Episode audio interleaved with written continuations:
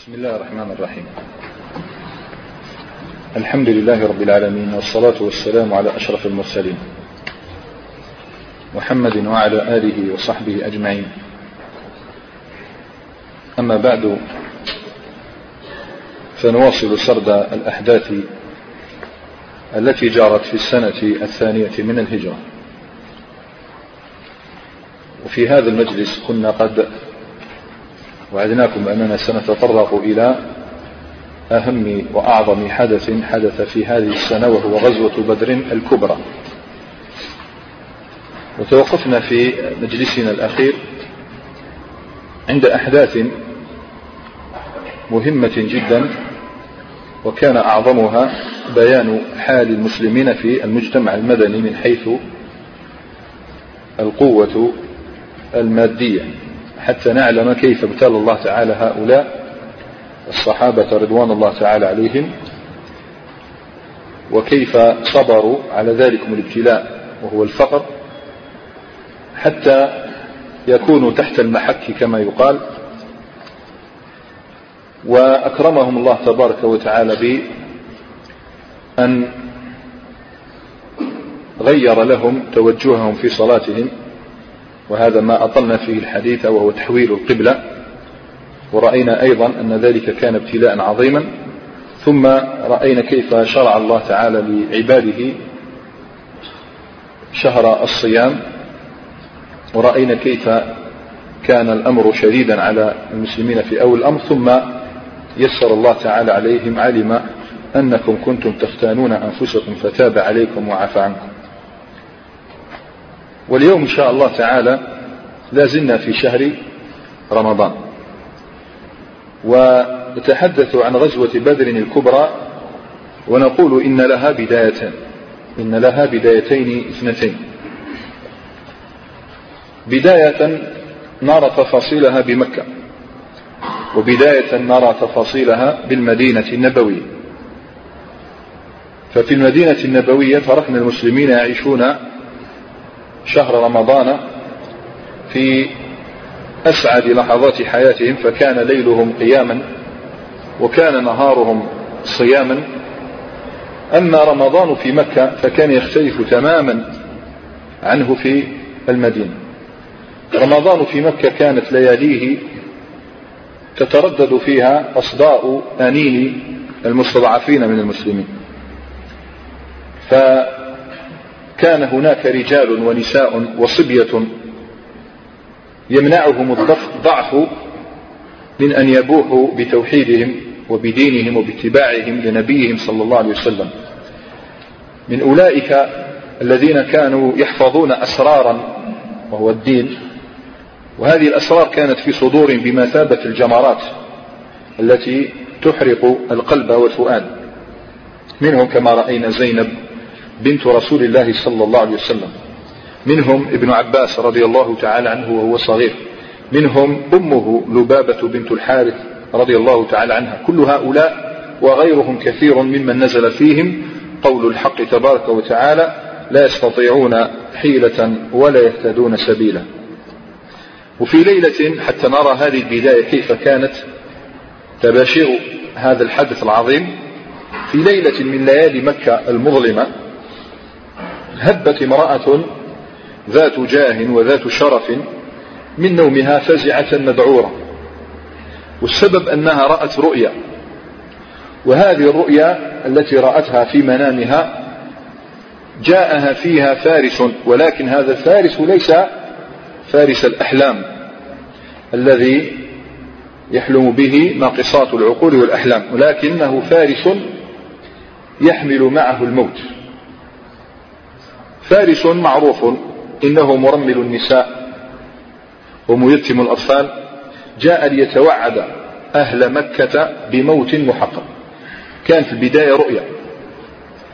تلكم المرأة هي عاتكة كانت عاتكة بنت عبد المطلب رضي رحمه الله التي هي معروفة بأنها عمة الرسول صلى الله عليه وسلم وهي بنت عبد المطلب.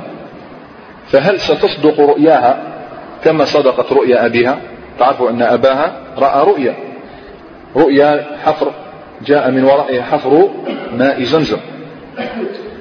فندع هذه المرأة تحدثنا حديثها في هذه الرؤيا فتقول كما روى ذلك ابن إسحاق رحمه الله تعالى عن ابن عباس وعبد الله بن الزبير ورواه الطبراني أيضا عن عروة بن الزبير. فهذا الحديث وهذا الأثر صحيح لا ريب فيه. وأكثر من رواه هم آل الزبير.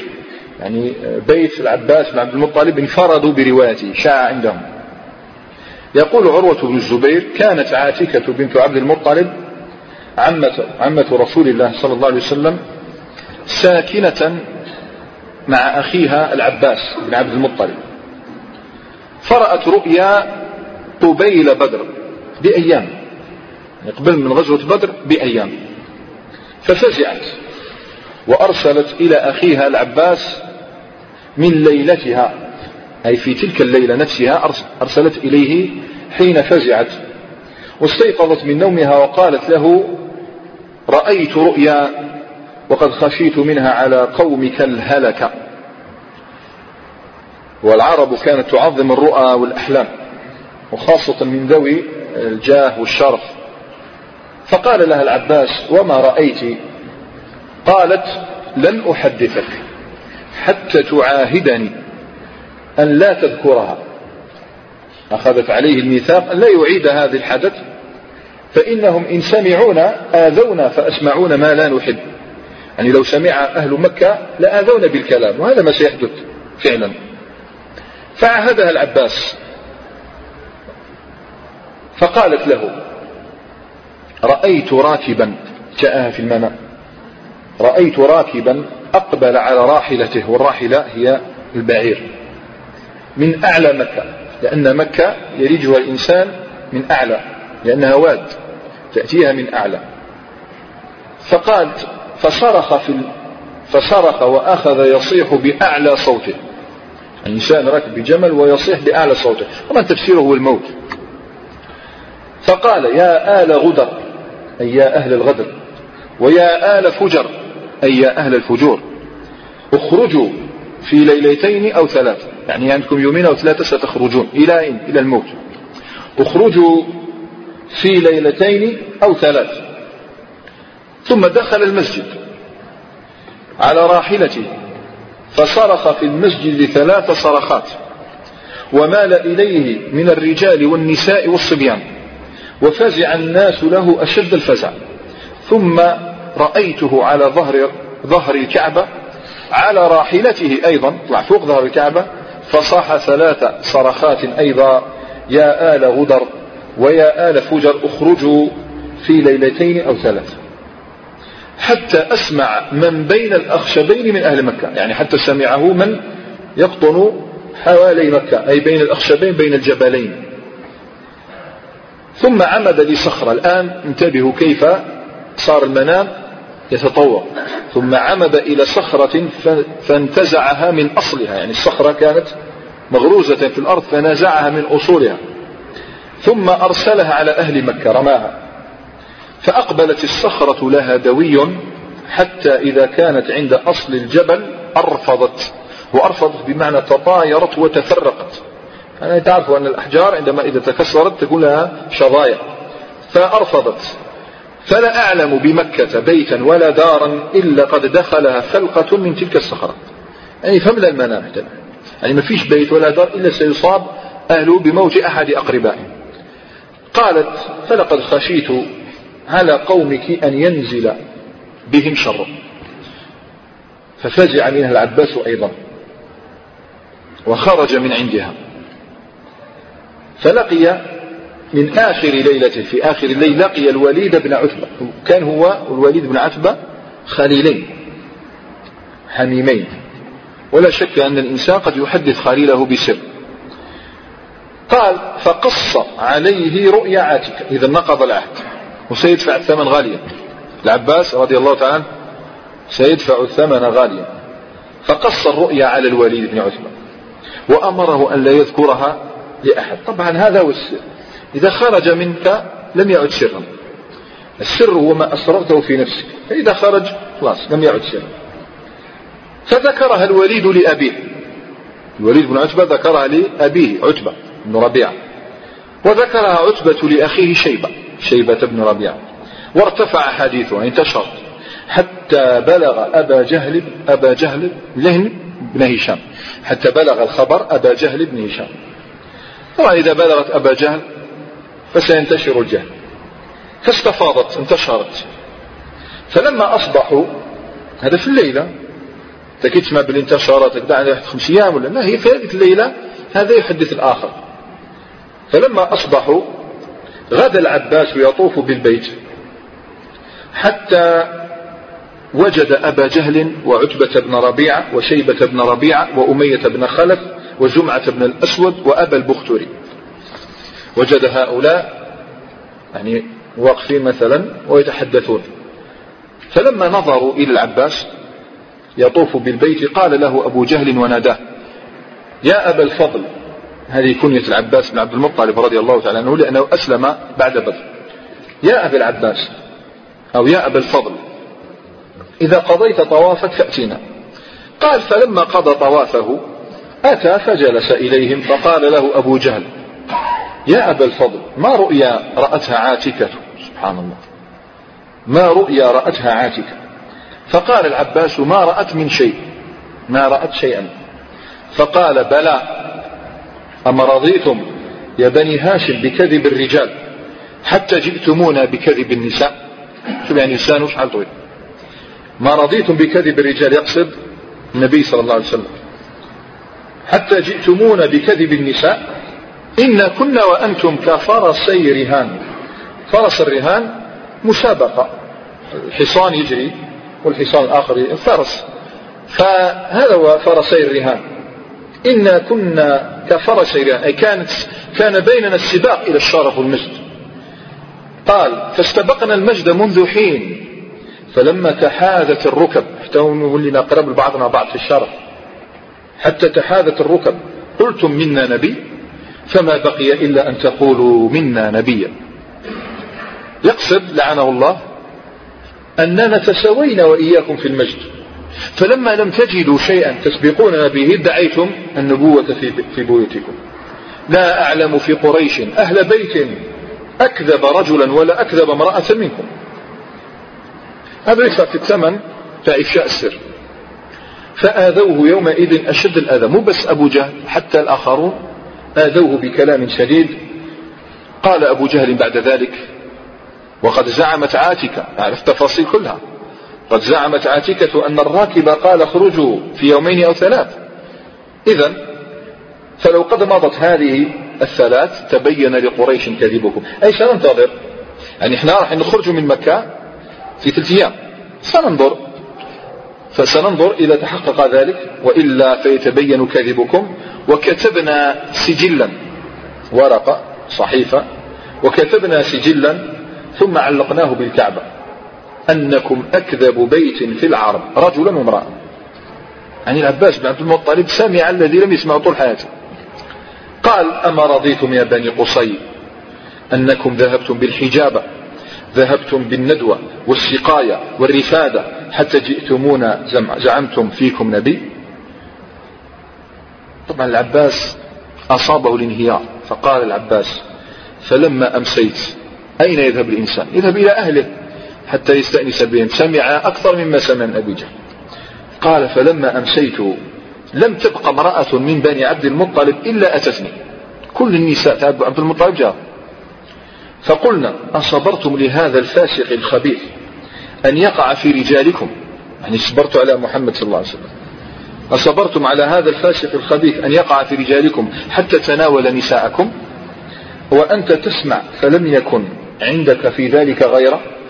يعني شغل عبسنا في المطلب ما سلكناش من أبد ما بجهل والجماعة احتاجين لنا ندخل النساء فقال قد والله صدقتن.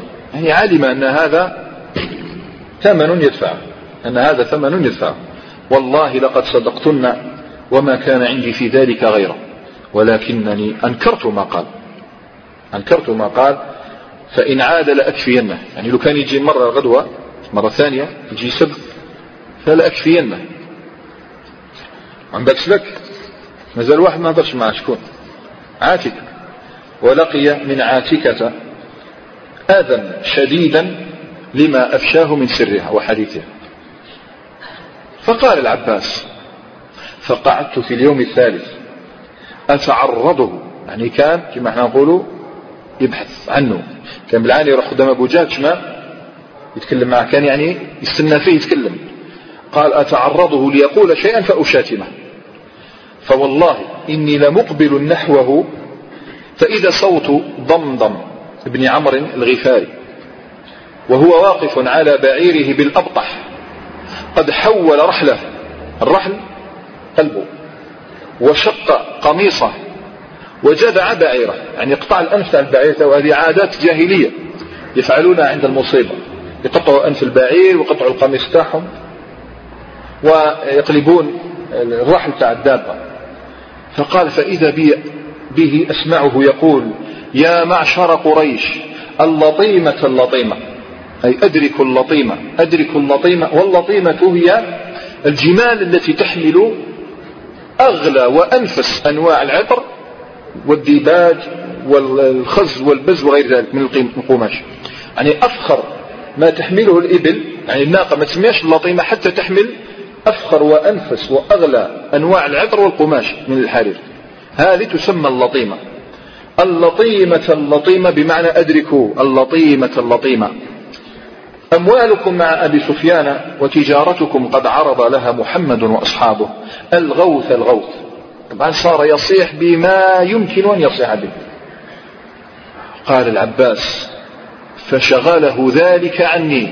أبو جهل انشغل بصياح عمرو أو ضمضم بن عمرو وشغلت عنه حتى أنا شغلت عنه. فلم يكن إلا الجهاز أي جهزنا أنفسنا حتى خرجنا. إذا ها هي قريش ترى بأعينها صدق رؤيا عاتكة. ثلاث أيام بعد قال ابن عباس في اليوم الثالث جاء الصريخ. وترى كذب أبي جهل الذي ادعى أن هذا مجرد أضغاث أحلام فثار الجميع. الجميع سنعود إلى كيفية ثورتهم ونفيرهم. فثار الجميع وسلت السيوف وصار الجميع يصيحون إلا واحد. واحد خلاص يبس. وسنعود إليه وهو أمية بن خالف. علم أنه قد حان وقت تحقق كلام سعد بن معاذ. لما قال له أما أنت فدعنا منك. فإني سمعت رسول الله صلى الله عليه وسلم يقول إنه قاتل. حديث البخاري. يعني كي يسمع هذاك يعني هو كان يقول هذاك ضمضم بن عمرو؟ الغوث الغوث. هو كان يسمع الموت الموت. الموت الموت. علم أنه قد حان وقت موته. هذا فين؟ في مكة. يعني خلوكم في هذا الوقت نرجع إلى المدينة.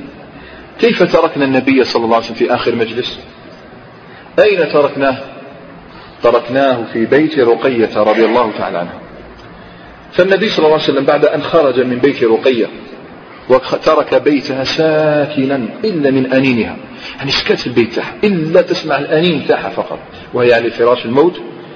فلا تجد أمامها إلا عثمان بن عفان رضي الله تعالى عنه زوجها وهو يراها كوردة تذبل لحظة بعد لحظة تذبل لحظة بعد لحظة. فأوصى النبي صلى الله عليه وسلم بها عثمان خيرا وأمره بالمكوث عندها.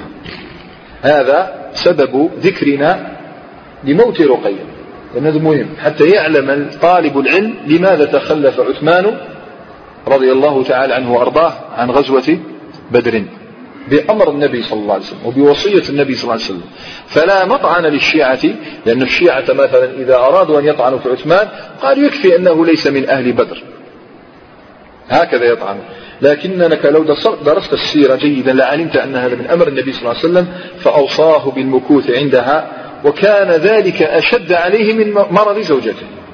فإنه سيفوته خروج مع رسول الله صلى الله عليه وسلم في معركة كتب لها أن تفصل بين الكفر والإيمان.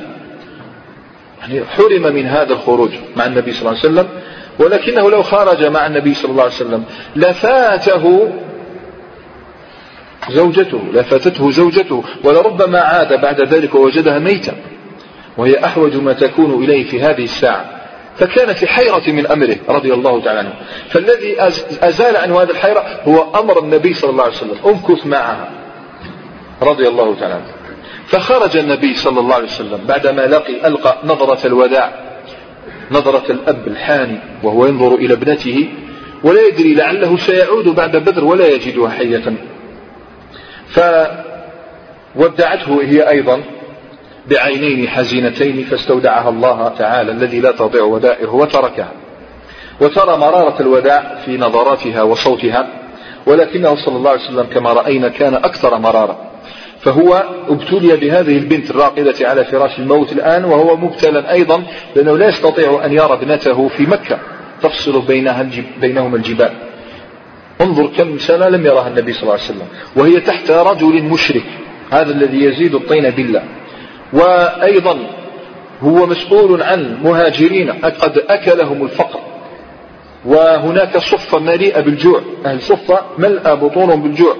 وهناك أيضا أمة بكاملها تنتظر من النبي صلى الله عليه وسلم أن يقودها. ثم هنا في هذه الأوقات يعني الناس سبحان الله الصحابة ويكون فيهم الجوع. وقريش سمع بها خارجة عائدة من الشام إلى مكة تتاجر بأموال من؟ بأموال الصحابة رضي الله تعالى. هذه أموال الصحابة التي انتهبوها وسرقوها. فلا شك أن النبي صلى الله عليه وسلم آثر أن يقدم مصلحة أمته على مصلحته وأن يقدم واهتم بهم أمته على همه صلى الله عليه وسلم فخرج. ولكن إلى أين؟ بتشوف كيف بدات الأمور.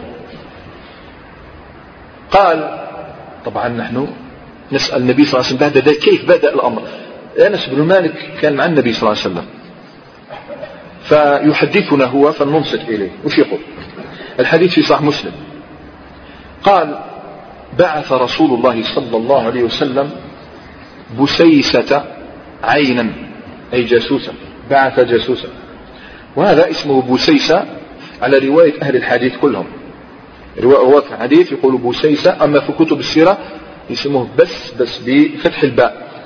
وهو رجل من الأنصار من الخزرج وقيل هو كان حليفا لهم واختلفوا في اسمه منهم من يقول إنه آه، بسيسة ابن بشر الأنصاري.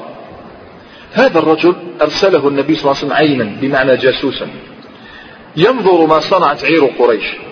فجاء وما في البيت غيري وغير رسول الله صلى الله عليه وسلم. وش نكتشف هنا؟ مهمة أحاطها رسول الله صلى الله عليه وسلم بسياج من السرية التامة. لا أحد يعلم. ثلاثة النبي صلى الله عليه وسلم؟ وهذا الرجل بسيسة وأنس بن مالك. قال أوصاه طبعا بأن يتحسس أخبار عير قريش. أين هي؟ أين هي؟ وإلى أين؟ إلى أي اتجاه اتجهت؟ هي قادمة من الشام إلى مكة. ويقودها أبو سفيان بن حرب. أمره أن يعرف طريقها وتمت المهمة بنجاح. فعاد بسيسة إلى رسول الله صلى الله عليه وسلم يقول أنس في تتمة الحديث قال فحدثه الحديث. أي فأخبره خبر القافلة فخرج رسول الله صلى الله عليه وسلم إلى الصحابة عندئذ فتكلم انظروا إلى السرية. فقال لهم إن لنا طالبة والطالبة هي الشيء الذي تطلبه إن لنا طالبة أي كان شيء راح نخرج على جهله؟ شيء نطلبه. فمن كان ظهره حاضرا فليركب معنا. لمستعد الآن الخروج معنا. الآن أي لن ننتظر. الآن اليوم مستعد الآن يخرج معنا. فهذا قال النووي رحمه الله فيه فيه آه، احتياط النبي صلى الله عليه وسلم وعدم وفيه استحباب الكناية في الحروب. أن الإنسان لا يخبر بالموقع الذي سيذهب إليه ولا بالوقت الذي سيخرج فيه وإلى أين ولا يذكر الاتجاه الذي سيذهب إليه. حتى لا يصل الخبر إلى الأعداء فيفشو الخبر ويذهب عامل المفاجأة ونحن نعلم أن عامل المفاجأة هو أهم عامل يعني يعني يتخذه المحاربون. فجعل رجال شوف الآن شوف تشوف النبي صلى الله عليه وسلم؟ أراد أن يحيط الأمر بالسرية والآن يخرج. فاستأذنه رجال في أن يذهبوا إلى علو المدينة ويأتوا بظهورهم أي بما يستطيعون أن يأخذوه معهم. فقال لا إلا من كان ظهره حاضرا الآن نخرج. فجاء أبو بكر رضي الله تعالى عنه وجاء عمر بن الخطاب رضي الله تعالى عنه وجاء علي بن أبي طالب رضي الله تعالى عنه. وهذه فضيلة عظيمة لعلي بن أبي طالب. الانسان لما يدرس آه، الأحاديث كلها عن الرسول صلى الله عليه وسلم بما فيها السيرة يدرك فضل علي بن أبي طالب وهو شاب. هذا الأسد يدرك. لماذا؟ كأن النبي صلى الله عليه وسلم أجازه قبيله في الصفين. قبيله في صفه.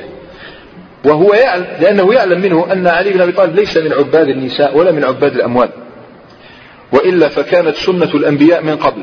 أنهم لا يخرجون معهم رجلا عقد على امرأة ولما يدخل بها. تعرفوا حديث الصحيحين عن أبي هريرة. حديث الصحيحين عن أبي هريرة وش قال النبي صلى الله عليه وسلم؟ غزا نبي من الأنبياء وهو يوشع غزا نبي من الأنبياء فقال لقومه لا يتبعني رجل ملك بضع امرأة وأراد أن يبني بها ولما يبني بها. ما يجيش معي. ولا يتبعني رجل بنى بيوتا ولم يرفع سقوفها. ولا يلحقني ولا يتبعني أحد اشترى غنما أو خليفات. الخليفات هي الإبل التي في بطنها. آه، ما قلت شيء ستخلفه. في خليفات وهو ينتظر ولادها. قال العلماء لأن ذلك مما يشغل القلب. ربما جبن الإنسان في القتال. يريد أن يعود. ربما اختبأ ربما يعني لا يريد أن يدفع نفسه هكذا. فهذا يدل على ماذا؟ هذه العادة. لكن علي بن أبي طالب خرق العادة. هذا الذي كان يحكي, يحكى عنه كما في حديث الأولياء تاع ابن نعيم. يقول كان علي بن أبي طالب إذا حدثوه عن الدنيا أو أمر في الدنيا يمسك لحيته ويبكي ويقول مالي وللدنيا لقد طلقتها ثلاثة. رضي الله تعالى. فهذا فضل علي بن أبي طالب. هو عقد على فاطمة وسيدخل بها متى؟ في ذي الحجة. ولا إذا لم يدخل بها ومع ذلك قابله النبي صلى الله عليه وسلم لأنه يعلم أن قلبه غير مشغول بها. أما عثمان فكان ذا حزن شديد وهو باق مع زوجته رقية لا يستطيع الخروج. وجاء بقية الصحابة والأنصار لكن فاجأهم عمر بن الخطاب بشيء. عمر بن الخطاب فاجأهم بشيء جاءتهم بولد صغير يريد أن يخرجه معه. ولد لما تشوف تقول هذا شجاع فتأمله رسول الله صلى الله عليه وسلم فوجده طفلا فرده مكسور الخاطر حزينا. وهكذا تلاشى حلم من؟ من هذا الولد؟ ابن عمر عبد الله بن عمر. أراد أن يخرج مع في بدر. فتلاشى حلم ابن عمر وذهب ذلك الحلم كأنه كان يريد أن ينال شرف الجهاد والبطولة والشهادة مع رسول الله صلى الله عليه وسلم. وجاء طفل آخر بعده هو البراء بن عازب رضي الله تعالى عنه. طفل. فأعاده النبي صلى الله عليه وسلم. يلا ارجع. شوف يعني الناس كيف كان يعني إحنا ما نتحيروش الأطفال لأن الطفل له هذيك الحماس الحمية. نتعجب من آبائهم وأمهاتهم. يعني يدفعون بفلذات أكبادهم في سبيل الله. فرده يحدثنا البراء بعد ذلك. كان يحدث الناس ويقول كما في صحيح البخاري قال أستصغرت أنا وابن عمر يوم بدر. استصغرت أنا وابن عمر يوم بدر وكان المهاجرون يوم بدر نيفا على الستين أي يزيدوا على الستين. 63 64 وكان الأنصار نيفا وأربعين ومائتين. المجموع شيء 300 وبضعة عشر. قال البراء رضي الله تعالى عنه استصغرت أنا وابن عمر يوم بدر. وكان المهاجرون يوم بدر نيفا على الستين. والأنصار نيفا وأربعين ومائتين. بمعنى سيأتي العدد لأنه إحنا لما نكمل إن شاء الله تعالى دراسة غزوة بدر نأتي إلى ملخص لها كما فعلنا في الغزوات الأخرى والسرايا. هذا إذا رده البراء بن عازب بن عمر وأرجع. وجاء سعد بن أبي وقاص رضي الله تعالى عنه أحد العشر المبشرين بالجنة. ولكن العجيب أنه جاء بفتى صغير معه وهو أخوه عمير. عمير بن أبي وقاص. وكان طفلا شجاعا يعني عمير كان معروف بالشجاعة. ولكن العجيب أنه في ذلك اليوم كان خائفا. بل من شدة خوفه كان باكيا كان يبكي. طفل شجاع معروف عنه الشجاع يبكي في ذلك اليوم.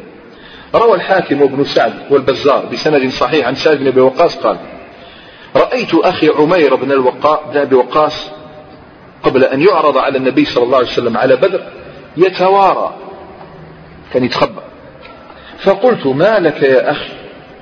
قال إني أخاف أن يراني رسول الله صلى الله عليه وسلم فيستصغرني فيردني. وما خاف يعني من الموت خاف أن يرده النبي صلى الله عليه وسلم. وأنا أحب الخروج لعل الله أن يرزقني بالشهادة. طفل صغير يتكلم هذا الكلام. فعرض على النبي صلى الله عليه وسلم. طبعا تصور هذا المشهد. والنبي صلى الله عليه وسلم ينظر إليه. وهو يعلم أن ابن عمر براء رجعهم لا شك أنه سيعيده. فاستصغره فقال له ارجع. كانت كقنبل في قلب هذا الولد الصغير. فبكى أو سبب بكائه. فبكى عمير عند ذلك أجازه النبي صلى الله عليه وسلم. قال سعد والله لقد كنت أعقد له حمائل سيفه لصغاره. أنا أنا كنت نرفد السيف تاعه وأربطه له لصغاره؟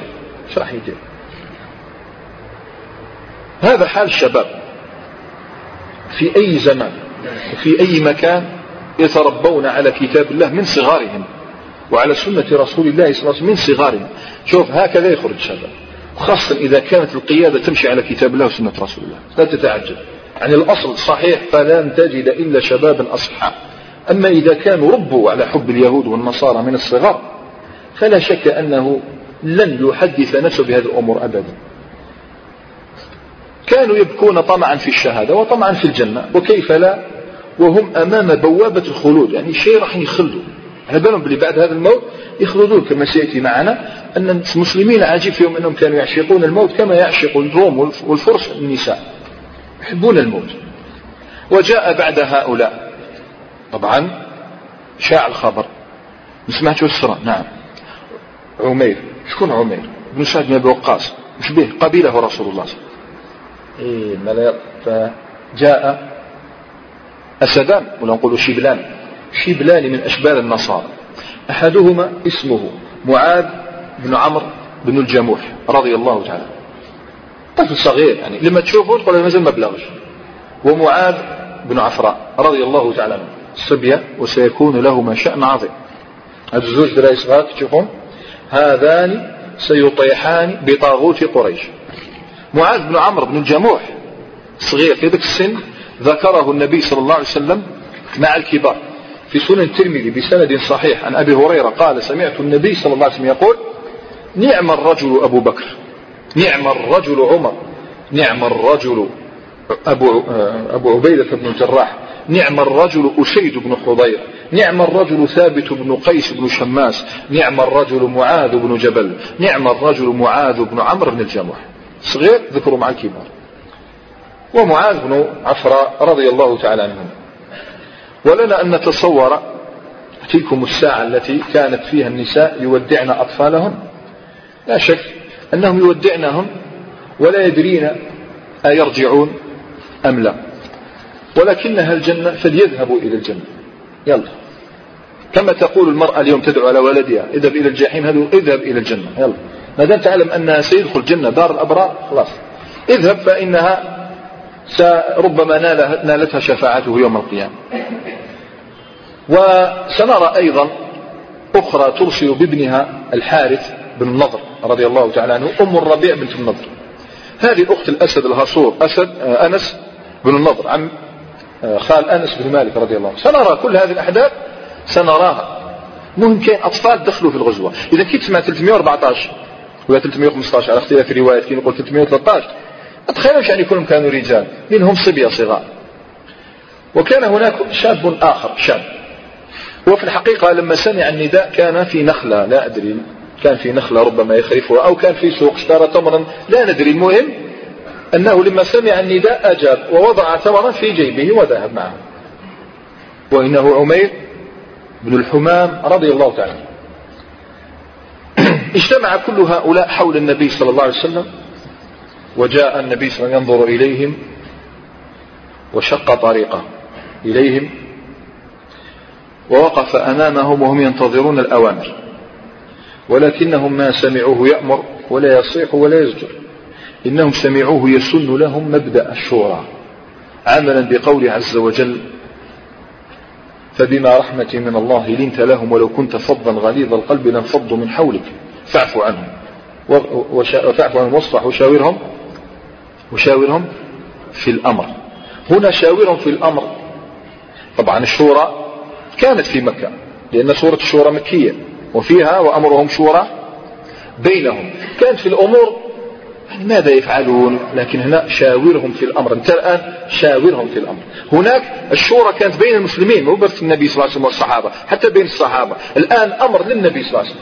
شاورهم في الأمر أيها القائد صلى الله عليه وسلم. فإذا عزمت فتوكل على الله. يعني واش تخرج به النتيجة تاع الشورى؟ توكل على الله لا يجوز لكم الرجوع وهذا كنا قد بسطناه في سورة آل عمران أنه متى شاور الإمام أهل الحل والعقد واتفق على أمر لا يرجع فيه. ولكن لماذا هذه المرة بالذات؟ لازم لازم تسأله لماذا هذه المرة بالذات؟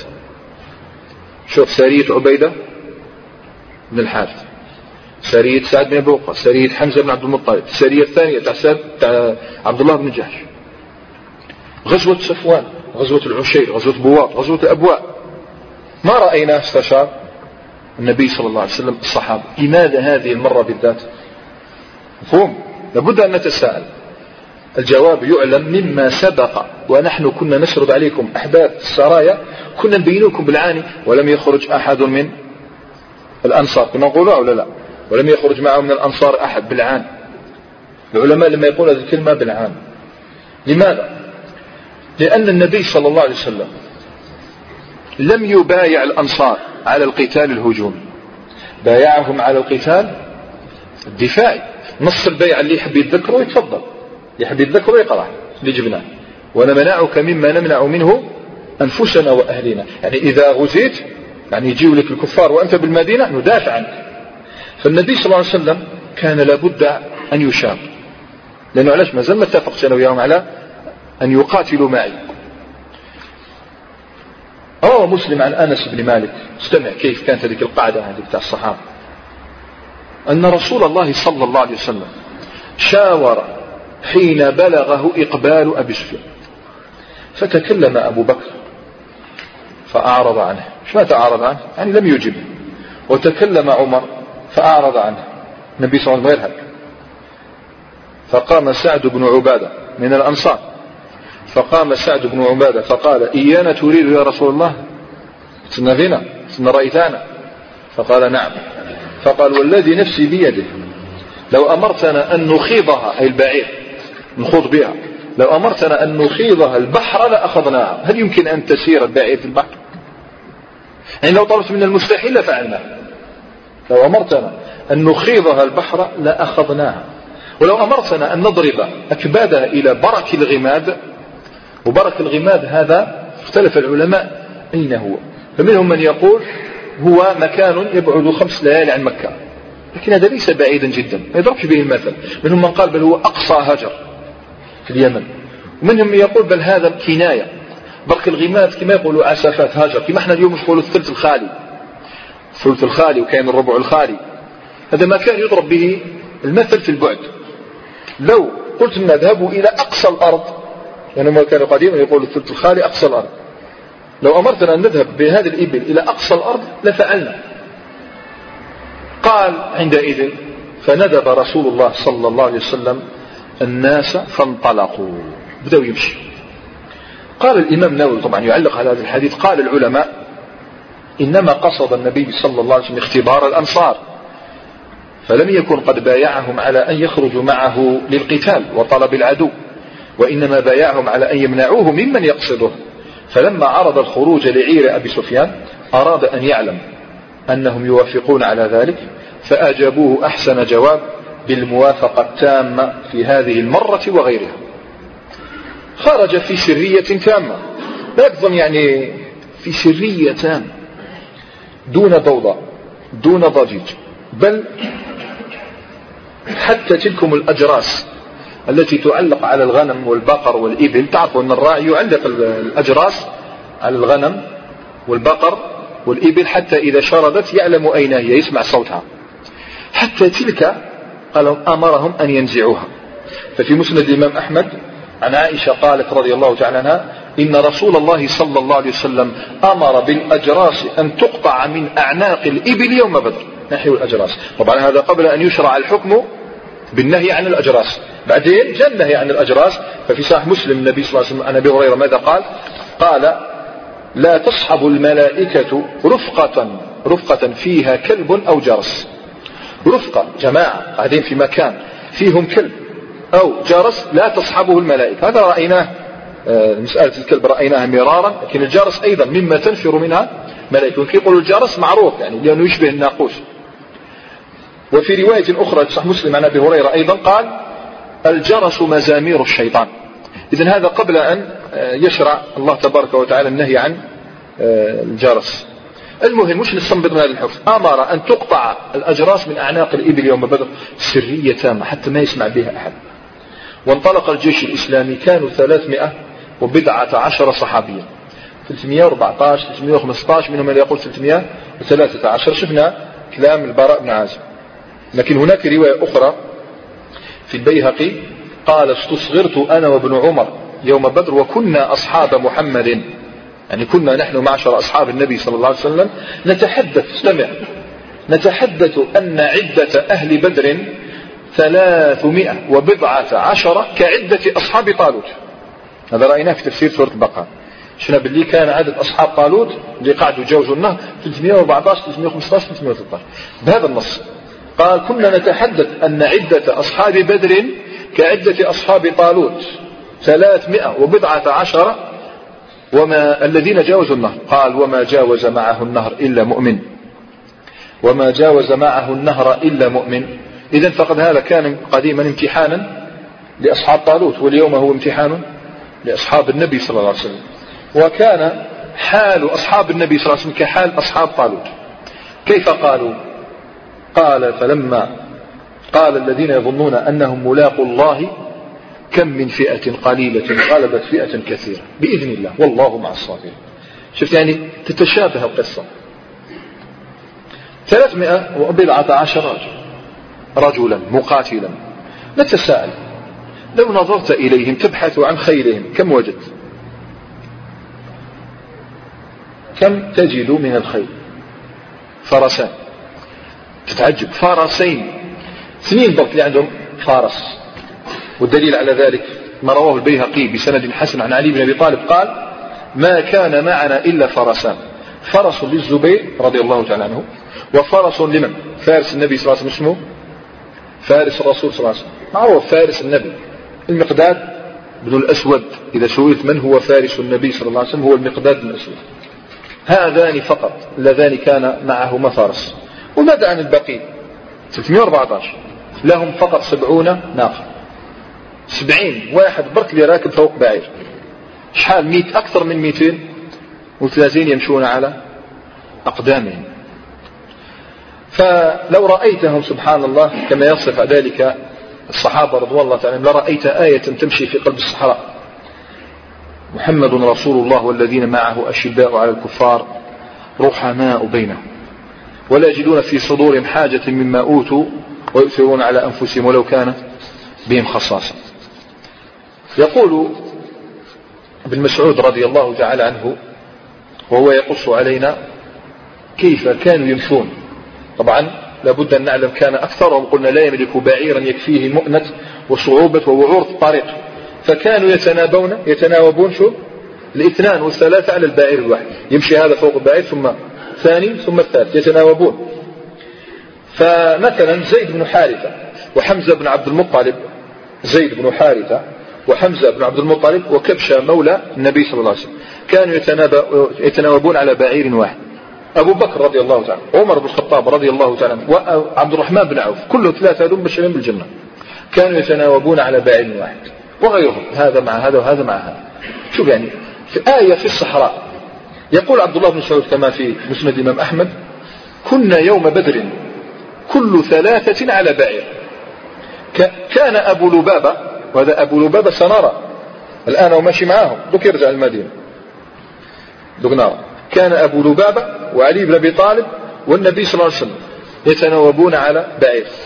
فجاءت عقبة رسول الله. أي جاءت دالت على النبي صلى الله عليه وسلم باش ينزل. ينزل ويخلي غيره يصعد. فقال له يا رسول الله صلى الله, صلى الله عليه وسلم نحن نمشي عنك. إحنا نمشي عنك. فقال شو ذا الجواب؟ ما أنتم بأقوى مني. ما أنتم بأقوى مني. ولا أنا بأغنى عن الأجر منكم. ثم ماكش أقوى مني وأنا أنا محتاج الأجر كما أنتم صلى الله عليه وسلم. يقول ذلك صلى الله عليه وسلم وقد رق لمنظرهم. ورق قلبه لحالهم وهو يراهم يتساقطون أمامه من الجوع والتعب. وطول السفر يعني 450 كيلومتر يقصدون مكان. طبعا لم يسيروا كل هذا المسافة لكن كانوا في تعب عجيب. فعندئذ اتجه إلى أرحم الراحمين. يستمطره رحمة من عنده لهؤلاء المساكين رضي الله تعالى. نشوف الدعاء عندئذ النبي صلى الله عليه وسلم يراهم هكذا في تعب رفع يديه إلى الله تعالى فابتهل ولهج لسانه وقلبه يدعو الله كما في سنن أبي داود. عن عبد الله بن عمرو بن العاص أن رسول الله صلى الله عليه وسلم خرج يوم بدر في ثلاثمائة وخمسة عشر فقال طبعا واحد يقول منين جاء 15 كان 14 سيأتي. دوك نشوفوا هذا. دوك يجي. كانوا في 315 فقال رسول الله صلى الله عليه وسلم. طبعا وهو يرى الصحابة. فقال اللهم إنهم حفاة فاحملهم. اللهم إنهم عراة فاكسهم. اللهم إنهم جياع فأشبعهم. وسنرى كيف استجاب الله هذا الدعاء بعد بدر. من ترك النبي صلى الله عليه وسلم في المدينة؟ ترك عبد الله عبد الله بن أم مكتوم الأعمى الضرير.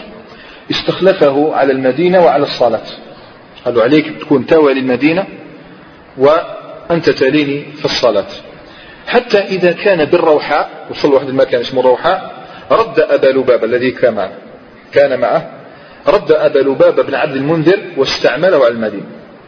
غير رأي النبي صلى الله عليه وسلم وبعث به والي على المدينة. إذا إذا سئلت من كان خليفة الرسول صلى الله عليه وسلم في المدينة تقول هو أبو لبابة ابن عم المنذر.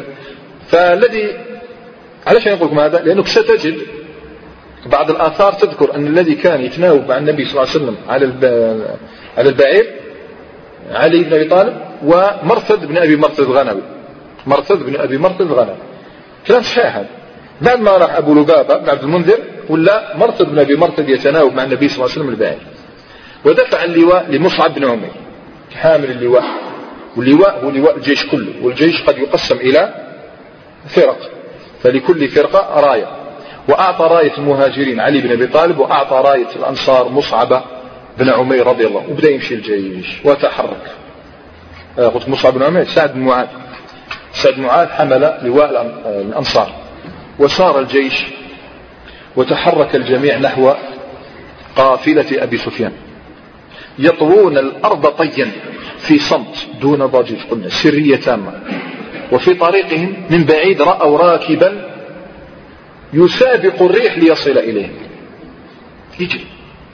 فتوقف النبي صلى الله عليه وسلم. وتوقف مع الصحابة لينظروا من هذا الذي أتى. طبعا دوك الآن كل شيء يجيك في كل حاجة. من هذا؟ لعله عثمان بن عفان جاء ليخبر النبي صلى الله عليه وسلم بوفاة رقية. بلك معلش لا على بالك أو لعله رجل لم يسمع بخروج النبي صلى الله عليه وسلم فسمع متأخرا فلحق الجواب لا هذا ولا ذاك. من هذا؟ إنه مشرك. مشرك قادم من المدينة إلى النبي صلى الله عليه وسلم. فتوقف النبي صلى الله عليه وسلم بمكان اسمه حرة الوبر. حرة الوبر. والجميع لا يدري من القادم. فتحدثنا أم المؤمنين عائشة رضي الله تعالى عنها والحديث في صح مسلم قالت خرج رسول الله صلى الله عليه وسلم قبل بدر أي مستقبل بدر. فلما كان بحرة الوبر أدركه رجل. وقد كان يذكر عنه جرأة ونجدة. يعني إنسان ينجد الناس وجرأة. ففرح أصحاب الرسول صلى الله عليه وسلم. فرحوا به مع أنه مشرك. فرحوا به بقدومه لأنه قوي. فلما أدركه قال لرسول الله صلى الله عليه وسلم جئت لأتبعك في الحرب شال الدين جئت لأتبعك وأصيب معك أي الغناء. فقال له الرسول صلى الله عليه وسلم تؤمن بالله ورسوله؟ فقال لا. فقال فارجع فلن أستعين بمشرك القوة لا تقول يعني 314 نشوف روحي ضعيف. كاين الله معنا. ارجع فلن نستعين بمشرك. قالت ثم مضى. حتى إذا كنا بمكان على الشجرة أدركه الرجل فقال له مثل ما قال جئت لأتبعك وأصيب معك. فقال له النبي صلى الله عليه وسلم أتؤمن بالله ورسوله؟ قال لا. قال ارجع فلن أستعين بمشرك. ثم أدركه بالبيداء فقال جئت لأتبعك وأصيب معك. فقال تؤمن بالله ورسوله؟ قال نعم. رأى النبي هذا رأى أن النبي صلى الله عليه وسلم أني لا يكذب ليس بخائن علم أن قلبا مثل هذا لا يستعين بالمشركين. علم أنه على حق. فعندئذ قال له الرسول صلى الله عليه وسلم إذا فانطلق. وهذا رأينا الحديث أين؟ في حكم الاستعانة بالمشركين. وسار الجيش نحو القافلة. لكن هناك مشكلة وقعت. مشكلة. وأمر عظيم قد حدث. ما كان يحسب له أحد حسبانه. علمت قريش بخروج النبي صلى الله عليه وسلم. السرية راحت. عامل المفاجأة ضاع علمت عير قريش بخروج النبي صلى الله عليه وسلم خلفها كيف؟ فهمت قال ابن إسحاق. الوقت شحال؟ 314 دقيقة. قال ابن إسحاق استمع جيدا كيف علموا. فحدثني محمد بن مسلم يقصد الزهري وعاصم بن عمر بن قتادة وعبد الله بن أبي بكر ويزيد بن رومان عن عروة بن الزبير وغيرهم من علمائنا عن ابن عباس. إذا الحديث صحيح. لأنه ابن إسحاق قال حدثني أنه لما سمع رسول الله صلى الله عليه وسلم بأبي سفيان مقبلا من الشام ندب المسلمين. النبي صلى الله عليه وسلم جاء خير باللي أبا سفيان راه قاصد مكة. ندب المسلمين أي دعاهم. فقال لهم هذه عير قريش فيها أموالهم فاخرجوا إليها لعل الله ينفلكموها لعل الله ينفلكموها ستأتي الأنفال. فانتدب الناس. يلا الناس كلهم أجابوا. فخف بعضهم. بعضهم جاء ما شاء الله. وثقل بعضهم. تعرف ليش؟ ليس جبنا. ولكن بعضهم سنرى هذا. يعني نقف عنده. بعضهم رأى أنه خرجوا يوم بواط. ماشي نبدأ الأبواء. ماشي زيد. بواط. ماشي العشيرة. ما كاش قتال. صفوان. ما كاش قتال. بدر الكبرى كيف كيف؟ ما كاش قتال. هكذا ظنوا. رأوا أنه لن تكون حرب. تقولوا يعني هذاك واحد كي كي مل نخرج البادر بين ما كاش قتال. ومنهم من قال لماذا لا نكتفي؟ طبعا بأن نبعث سرية. سرية تهجم على هذه العير وتأخذ. علاش؟ حتى نديروا غزوة. ثقل بعضهم وخف بعضهم. وذلك أنهم ظنوا أن رسول الله صلى الله عليه وسلم لن يلقى حربا. ظنوا أنه ما حرب. وكان أبو سفيان قد دان من الحجاز. الحجاز تطلق من المدينة وغيرها. لما دان من الحجاز تحسس أخبار العرب فسأل من لقي من الركبان. أبو سفيان داهية سفيان ذكي. فسأل من لقي من الركبان تخوفا على أموال الناس حتى أصاب خبرا من بعض الركبان أن محمدا صلى الله عليه وسلم. قد استنفر أصحابه لك ولعيرك. شفت كيش وصلوا أبو سفيان كان ماشي في الطريق صاب واحد قالوا واش ما؟ قالوا أنا شفت محمد صلى الله عليه وسلم. طبعا ما قالوش صلى الله عليه وسلم. قالوا رأيت محمدا وأصحابه يقصدون عيرك. قال عندئذ فحذر أبو سفيان. عند ذلك فاستأجر من؟ ضمضم بن عمرو الغفاري فبعثه إلى مكة وأمره أن يأتي قريشا فيستنفرهم إلى أموالهم ويخبرهم أن محمدا قد عرض لها في أصحابه. فخرج ضمضم بن عمرو سريعا إلى مكة.